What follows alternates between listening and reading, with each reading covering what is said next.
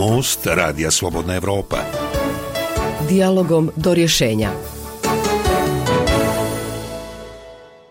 U današnjem mostu razgovarat ćemo o tome kakav je odnos srpske opozicije prema susednim državama u regionu. Naši sagovornici su Izabela Kisić, izvršna direktorka Helsinškog odbora za ljudska prava Srbije i Zoran Vuletić, predsednik Građanskog demokratskog foruma iz Beograda. Gospođo Kisić, nedavno je u Crnoj Gori povodom ustoličenja mitropolita Srpske pravoslavne crkve Joanikija došlo do oštrih podela između prosrpskih i procrnogorskih snaga. Kako se srpska opozicija ponašala u toj situaciji?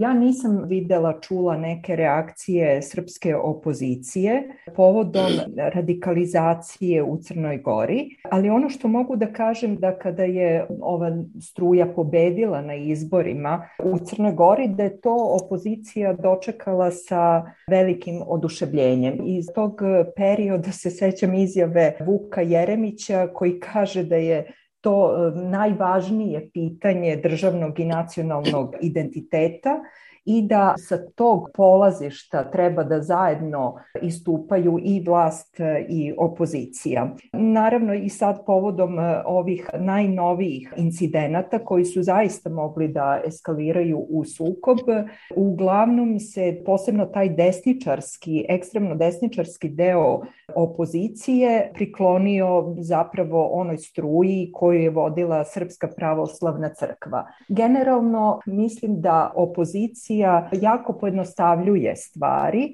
i predsednika Đukanovića posmatra isključivo kao nekog um, korumpiranog lidera koji je jako dugo na vlasti, a potpuno zanemaruje neke druge veoma važne aspekte, šta je budućnost Crne Gore, da li će ići u pravcu evropskih integracija ili ne, kakvi će odnosi Crne Gore sa Srbijom biti i slično. Tako da dok je ceo region veoma ozbiljno reagovao, srpska opozicija je ćutala i veliki problem je što srpska opozicija nikada ne dovodi u pitanje ponašanje Srpske pravoslavne crkve. To je praktično nedodirljiva institucija, a vidimo da ona ima veoma značajnu političku ulogu i to političku ulogu u destabilizaciji regiona, kakvu je imala i 80. godina kada je počeo da se razvija taj nacionalistički, populistički pokret, čije ideologije i politika i dovela do ratova i zločina u bivšoj Jugoslaviji. Gospodine Vuletiću, da li najveći deo srpske opozicije gleda na Crnogorce kao na ocepljeni deo srpskog naroda koji treba vratiti u krilo Srpske pravoslavne crkve? Da, Srpska pravoslavna crkva gotovo celom političkom establishmentu našem ovde u Srbiji dođe kao vrlo zgodan argument da zavede građane u promociji negiranja Crne Gore kao države i Crnogoraca dominiraju analitičari, istoričari po svim televizijama sa nacionalnim frekvencijama, a nažalost to postaje praksa i na opozicionom kablovskom mediju gde se dokazuje da se radi o privremenom stanju crnogorske nezavisnosti i najavljuju gotovo sigurnu sledeću pobedonosnu bitku na popisu stanovništva.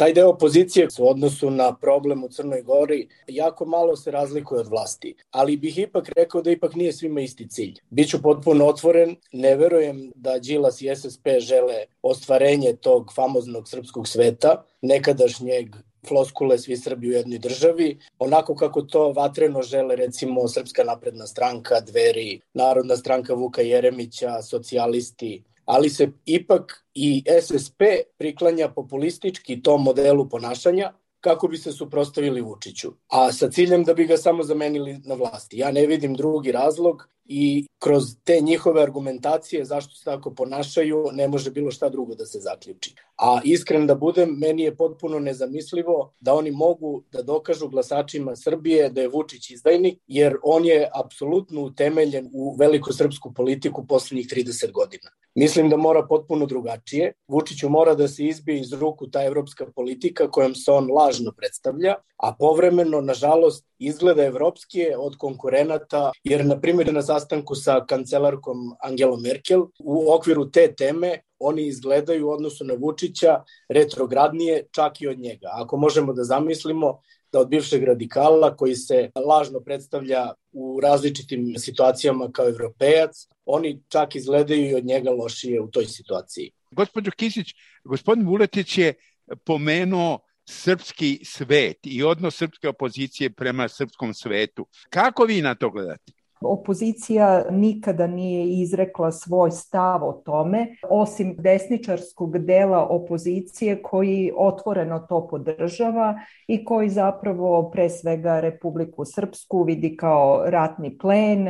Takođe sada pokuša i da od Crne Gore ponovo se napravi druga srpska država vazalskom položaju u odnosu na Srbiju. Rekla bih da zapravo kada govorimo o opoziciji, ja ne bih tu govorila samo samo o političkim strankama, već i o akademskim krugovima, naravno Srpskoj pravoslavnoj crkvi i zapravo autori tog projekta Srpskog sveta su pre u tim akademskim krugovima nego u političkim strukturama koje naravno sprovode tu politiku ideologiju. Zapravo Srpska pravoslavna crkva je samo jedna od institucija koja najlakše mobiliše Srbe za ostvarenje onoga što se podrazumeva pod srpskim svetom. Tako da ne vidim da postoji ikakav kritički odnos unutar opozicijonih stranaka, prosto to pitanje nije na agendi opozicijonih stranaka. Gospodine Vuletiću, srpska opozicija se, sem ovog krajnjeg desnog dela, ova mainstream opozicija se faktički ne izjašnjava o srpskom svetu. Da li to znači da ga prečutno odobrava? prećutno ga odobrava. Mi imamo problem u javnosti što ne komunicira se sa ove strane opozicione dovoljno kvalitetno na tu temu sa opozicionim liderima. Mislim da nam nedostaje par recimo profesionalnih elektronskih medija na kojima bi mogli opozicioni lideri da dobiju ta prava pitanja u vezi sa tim najvećim političkim problemima. Kod nas se to ne dešava. Dođu predsednici partija ili predstavnici, gostuju isključivo govore ono što oni žele i isključivo dobijaju pitanja u kojima se jako konforno osjećaju. Tako da kada komentarišu dešavanja u Crnoj Gori, dešavanja u Bosni, dešavanja u Republici Srpskoj, lako se sakriju iza kritike Vučića, ali široj javnosti ostane utisak da oni podržavaju u stvari Vučićev nacionalistički narativ koji se odnosi na okruženje i na pre svega Crnu Goru, Republiku Srpsku, a o problemu Kosova da i ne govorimo i dobar deo biračkog tela građana Srbije ostaje potpuno uskraćen za odgovore predsednika stranaka na te teme. Nema tih pitanja i zbog toga smo uskraćeni za te odgovore i ukoliko budu došli na vlast sa praznim odgovorima na ta pitanja, onda ćemo dobiti najverovatnije Vučića u nekom novom pojavnom obliku, a to je nešto što nam najmanje treba jer ćemo na taj način izgubiti još jedno deset godina tumarajući u ovom prostoru i vremenu u kome se očigledno ne snalazimo. Poštovani slušalci, pratite Most Radija Slobodna Evropa u kome se razgovara o tome kakav je odnos srpske opozicije prema susednim državama u regionu. Sagovornici su Zoran Vuletić, predsednik Građanskog demokratskog foruma iz Beograda i Izabela Kisić, izvršna direktorka Helsniškog odbora za ljudska prava Srbije. Voditelj je Omer Karabeg. Gospodjo Kisić, kakav je odnos srpske opozicije prema Miloradu Dodiku? Da li joj smeta što je Dodik veoma blizak sa Vučićem, a opozicija je jako kritična prema Vučiću? Ja se bojim da bi ova opozicija da je na vlasti bila takođe bliska sa Dodikom ili bilo kim ko vodi Republiku Srpsku.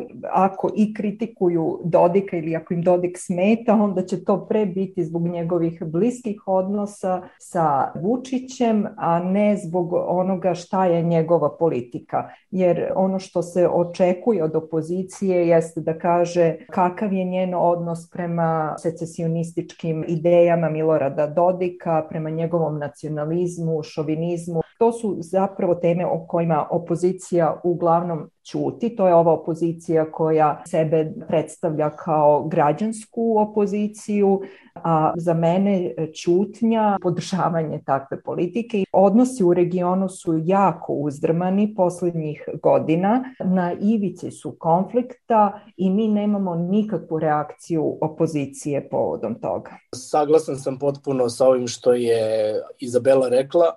Recimo, pre par meseci, ako se sećate, kada je Dodik poklonio onu ukradenu ikonu ministru inostranih poslova Rusije, pa je nakon toga Vuk Jeremić gostovo u nekoj emisiji dobio je pitanje da prokomentariše taj gest. Njegov odgovor je bio da bez obzira na gaf koji je Dodik napravio, viši nacionalni srpski interes nalaže da mi Dodika podržimo i da ga nikako ne kritikujemo, nego da moramo da se strpimo i da ga podržimo u njegovom opstanku na vlasti, jer on eto ipak radi mnogo višu stvar za srpski narod i dopustio bi mu da mu se desi i tako neki gaf. U Srbiji jako je malo organizacija, ja mogu da istaknem da je GDF jedan od redkih primera, da mi mislimo drugačije od Vučića po tom pitanju i da smo spremni u ovoj medijskoj zatvorenoj potpuno sredini da tražimo podršku birača sa tim različitim stavom. Smatram da je spašavanje na neki način časti Srbije, da nazovemo stvari pravim imenom. O Srebrenici je sramota kalkulisati, posebno u toj definiciji zločina. Kažu ovde ljudi nije genocid, nego je strašan zločin. Pa šta to znači? Šta znači strašan zločin? Sud je doneo jasnu presudu i tu se radi o genocidu. Na političarima Srbije i Republike Srpske pre svega da osude politiku koja je dovela do takvog ishoda i do tog genocidnog žiga.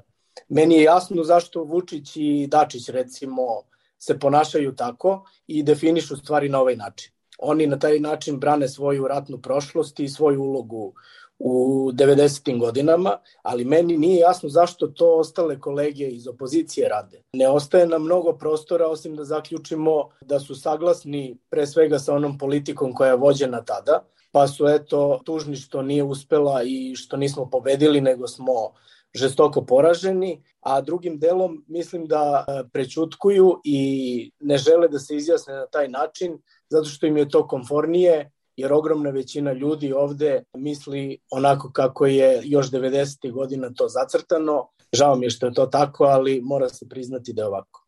Gospođo Kisić, da li srpska opozicija podržava Vučića u negiranju genocida u Srebrenici? Svakako, ja ne govorim o toj desničarskoj opoziciji koja je otvorena u negiranju, govorim o ovoj koja sebe naziva građanskom i zaista je poražavajuće da oni koji su inicirali donošenje deklaracije o osudi genocida u Srebrenici 2010. godine, da danas ne brane tu svoju poziciju i ne brane poštovanje te deklaracije. Ja ću podsjetiti da je čak i SPS tada glasao za tu deklaraciju i zaista je poražavajuće da opozicija ništa ne kaže o tom sramnom negiranju genocida u Srbiji. Činjenice su tu i niko ne može da pređe preko tih činjenica, ali je očito problem u tome što mnogi misle da će prikrivanjem tih tih činjenica istina o tom zločinu nestati. I tu, nažalost, opozicija prati vladajuće stranke. Ja znam kada sam ranije razgovarala sa nekim predstavnicima opozicije koji su i danas na sceni, uvek je nekakav izgovor da čak i kada se slažu sa tim da je to bio genocid, u ogromnom strahu su da to i javno kažu i da je to zaista poražavajuće da mi imamo takvu opoziciju koja se plaši javnog iznošenja svojih stavova. Ako mi dozvolite, smatram da je Građanski demokratski forum ok, nije mainstream opozicija, nismo tako velika organizacija, ali smo vrlo jasni i precizni u svim obraćanjima i u svim ocenama naših političkih prilika i ja i GDF smo vrlo jasno podržali donošenje zakona koji je Valentin Insko doneo u Bosni. Problem je u medijima koji jako redko gotovo nikada ne prenose ovakve stvari, a posebno oni mediji koji formiraju opozicioni stav. Tako da nije lako boriti se u, ovakvim uslovima sa ovakvom politikom, ali ovo bar kod vas mogu da kažem i hvala vam na prostoru. Gospodine Vuletiću, da li je odnos dela opozicije prema Kosovu agresivniji, mislim na tu desničarsku, krajnje desničarsku opoziciju, agresivniji od Vučićevog? Jer pojedini opozicioni lideri sa tog krila opozicije često optužuju Vučića da je spreman da prizna Kosovo i tako izda Srbiju. Oni verovatno misle da time mogu da dobiju poene u biračkom telu. Ja bih možda dao onako slikovito odgovor na vaše pitanje kroz posetu kancelarke Angele Merkel Srbiji. Njenu posetu su iskoristili većina opozicionih lidera da naglase kako su oni svojevremeno odbili njen ultimatum da povuku institucije sa severa Kosova i da priznaju nezavisnost. Da je zbog toga kasnije taj zapadni deo sveta i ona dovela Vučića na vlast. Pa kako to mogu ozbiljni ljudi po meni da na takav način definišu? To možda može da zvuči u njihovim glavama opravdavajući dosta moćno oko gubitka njihove vlasti, ali obrazložiti to na taj način, a posebno nekom sintagmom kako je neko iz Brisela čestitao Nikoliću dva sata pre zatvaranja biračkih mesta i onda se desilo šta? Evo ja postavljam javno pitanje šta se desilo i ako su glasači čuli. Da možda glasači nisu onda do kraja glasanja glasali samo za Nikolića jer su oduševljeno prihvatili signal koji je Nikolić zajedno sa Vučićem dao Zapadu da će priznati Kosovo. Pa će i oni zajedno da ga podrže kroz glasanje tog dana. Ne, moraće taj deo opozicije da se umije hladnom vodom i da se osvesti i da konačno posle 10 godina razmisli zbog čega su izgubili vlast na izborima. E, gospođo Kisić, mislite li vi da je odnos jednog dela opozicije prema Kosovu agresivniji od Vučićevog? Pa svakako jednog dela opozicije koji to javno iznosi. Ja mislim da i oko tog pitanja postoji konsenzus. Naravno, kao što je gospodin Vuletić rekao, postoje izuzeci, postoje neke političke organizacije koje drugačije govore i mislim da je jako važno da se uvek iznose i ti pozitivni primeri drugačijeg mišljenja. Što se tiče Kosova, Mislim da je tu vrlo jasan konsenzus u vezi sa Kosovom, da tu zapravo nema neke bitne razlike između vlasti i opozicije.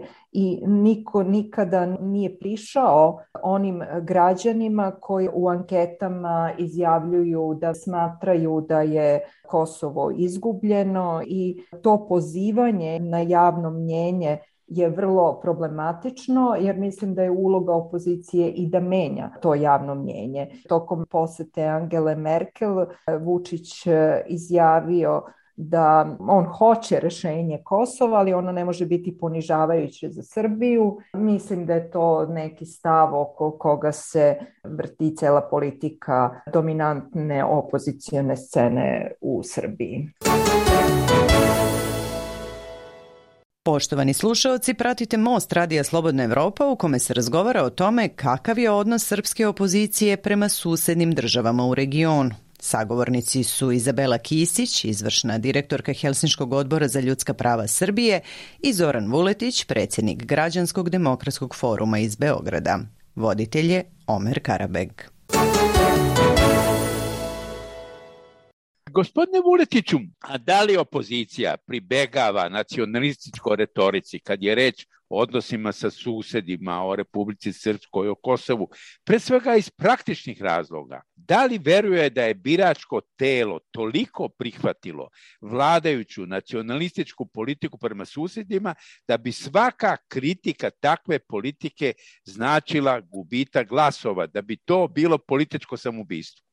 Ja verujem da to jeste u najvećem procentu slučaj, međutim ja se sa tim ne slažem, a uverenje mi daje posebno rezultat Saša Jankovića 2017. na predsedničkim izborima kada je on osvojio preko 600.000 glasova sa prilično jasnom evropskom agendom i prilično građanskim stavovima koji isključuju bilo kakav nacionalizam.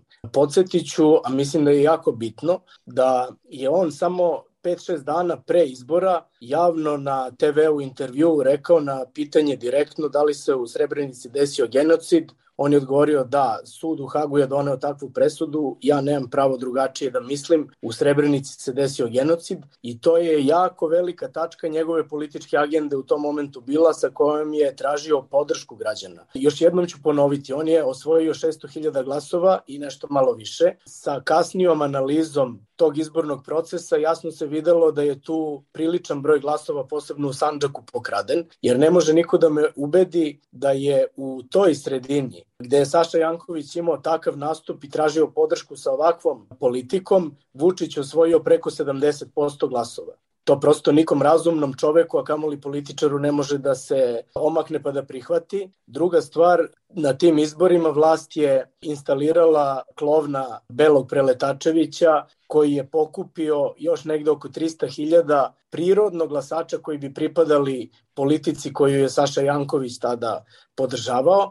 To je otprilike baza od oko milion glasova kojoj ne može da se prodaje tek tako nacionalizam, tako da nisam siguran da je ta većina opozicionih lidera u pravu kada se tako ponaša, ali mislim da bi morali mnogo da porade kako bi promenili svoje političku agendu i svoju retoriku i prilagodili je 21. veku i vremenu u kome živimo.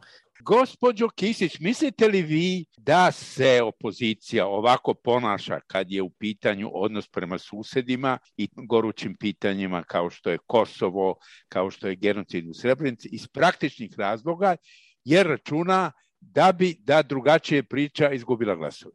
Pa ja bih pre rekla da je najveći deo opozicije nacionalistički, da to nije pitanje samo retorike, da ona kalkuliše sa time da li bi dobila ili izgubila birače. Ja mislim da je moguće formirati javno mnjenje, da je moguće menjati javno mnjenje, ali da to zahteva inventivnost, kreativnost i mnogo veći angažman. Opozicija jako dobro deluje kada je reč o razotkrivanju raznih korupcionaških afera i veoma je uspešna u tome, tako da mislim da opozicija treba više da se angažuje na širenju agende i da treba da se odredi prema regionalnim pitanjima. Mi vidimo da je to danas jedan od prioriteta i na evropskoj agendi i u regionu i da bez rešavanja regionalnih pitanja nema budućnosti i zapravo nema ni ulaska Srbije u Evropsku uniju. Tako da opozicija mora konačno da ukaže na nacionalizam jer je to danas jedan od najvećih problema Srbije i nešto što vuče Srbiju na dole. I na kraju u zaključku, gospodine Vuletiću, ima li razlike između vlasti i opozicije u odnosu prema susednim državama? Jako malo ima razlike kada govorimo o razlikama između vlasti i najvećeg dela opozicije o kome sam najčešće govorio danas. Mi koji smo manjina značajno se razlikujemo, kao što vidite sasvim drugačije vidimo i perspektive i budućnost, ali je problem što ovaj veći deo opozicije traži podršku sa te strane sa koje je nemoguće Vučića pobediti. I to je neki miks pragmatizma sa jedne strane, ajde reći ću pre svega stranke Slobode i Pravde, jer ne verujem u to da Dragan Đilas zaista želi epilog onako kako žele epilog oko srpskog sveta, recimo Vuk Jeremić, Boško Obradović, Mlađan Đorđević, Vučić i Dačić, koji su potpuno kompatibilni i nema nikakve razlike između Dačića, Vučića, Jeremića i Boška Obradovića. Ja se nadam da će SSP pre svega kao neki stožer opozicioni koji iz praktičnih razloga želi malo širi politički opseg da zahvati, da će smoći snage i stavi u prvi plan evropsku agendu i evrointegracije, a nakon toga da se spušta na dole i da zahvati koliko je moguće. Ja sam naveo primer Saše Jankovića i rezultate koje je u zbiru sa Preletačevićem koji je bio podvala vlasti i dobio oko milion glasova. To je ozbiljan izvor glasova na koji može da računa eventualno takva lista sa takvim programom. Ja, što se mene tiče i Građanskog demokratskog foruma, učinit ćemo sve da do toga dođe, ali bih voleo da izađe jedna takva čista lista na izbore u Srbiji sa predsjedničkim kandidatom i takođe u Beogradu na beogradskim izborima gde je u toj kombinaciji sa dve opozicione liste, jedna konzervativna i jedna proevropska, gotovo zagarantovan uspeh, jer je nemoguće da ova loša, korumpirana i bezidejna vlast ponovo obnovi svoj mandat u Beogradu.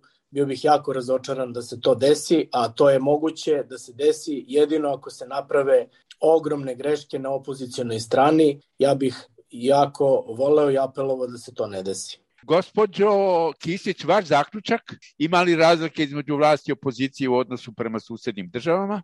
Mislim da je jako važno da opozicione stranke koje se deklarišu kao proevropske i koje se zaista zalažu za evropske integracije, da definišu svoje programe, da definišu sveobuhvatnu agendu koja će adresirati i ove probleme koji se tiču odnosa sa susedima kao i probleme prošlosti. Ukoliko to proevropske stranke ne učine, postoji velika opasnost da će se dalje otvarati prostor za jačanje desničarskih stranaka, dalji prostor za jačanje postojeće vladajuće koalicije, jer u tom praznom prostoru proevropski orijentisani građani nemaju za koga da glasaju i za razliku od proevropskih stranaka, nažalost desničarske stranke imaju vrlo jasno definisanu agendu.